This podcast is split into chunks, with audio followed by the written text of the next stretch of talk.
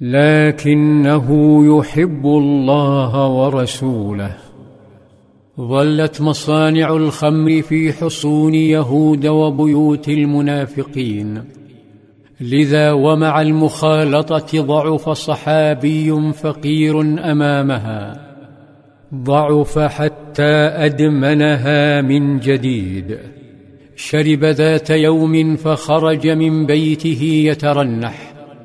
فأخذ نحو قائد الدولة ونبي الأمة فأقام عليه الحد ثم أطلقه وتمر الأيام فيعود إلى الشرب ويخرج فيقام عليه الحد ورغم تكرار الأمر ورغم أن للخمر ذنبا من الوزن الثقيل والكبير إلا أن للقلوب والمشاعر تجاه الله ورسوله أوزانا أثقل.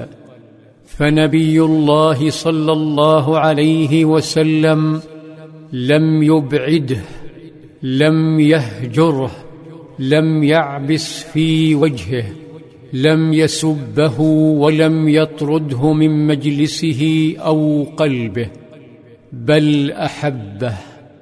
أجل أحبه وحرض على حبه. حدث ذلك حين أحضر ذات يوم إلى قائده يترنح سكرانا فأقيم عليه الحد.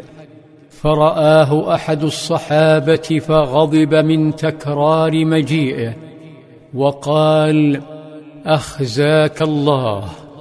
اللهم العنه ما أكثر ما يؤتى به.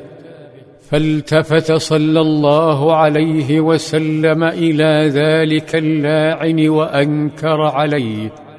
وقال له كلمات تكشف عوالم الحب داخل ذلك الرجل المدمن.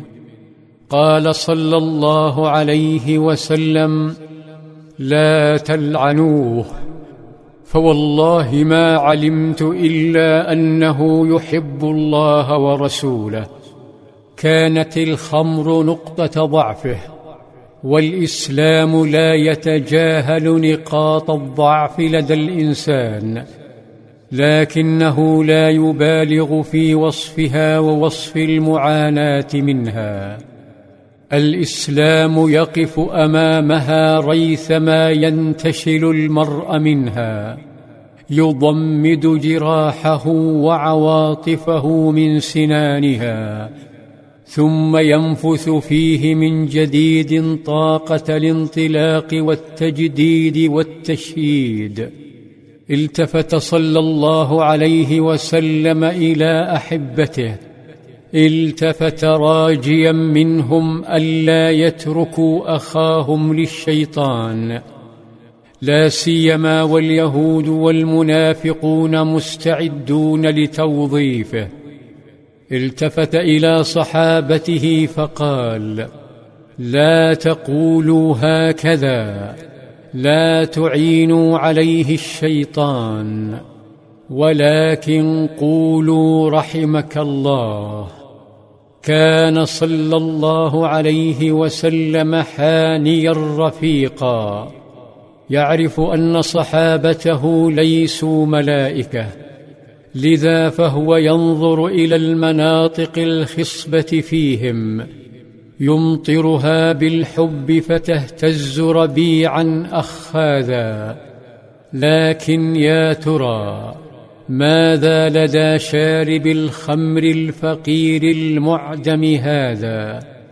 ماذا لديه من مساحات خصبة حتى يحتفي به صلى الله عليه وسلم؟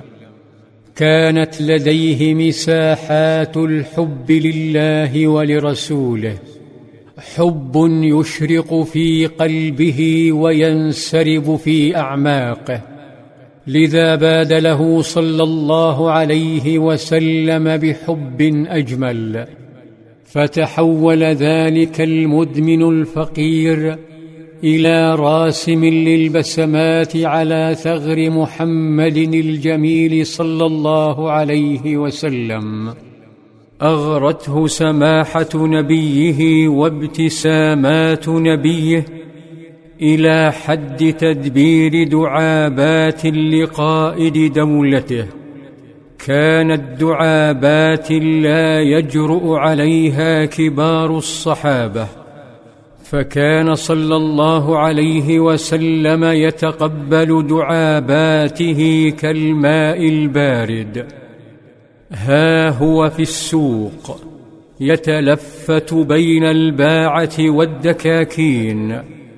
ربما يدبر دعابة لنبيه صلى الله عليه وسلم وربما كانت عفوية دون تكلف.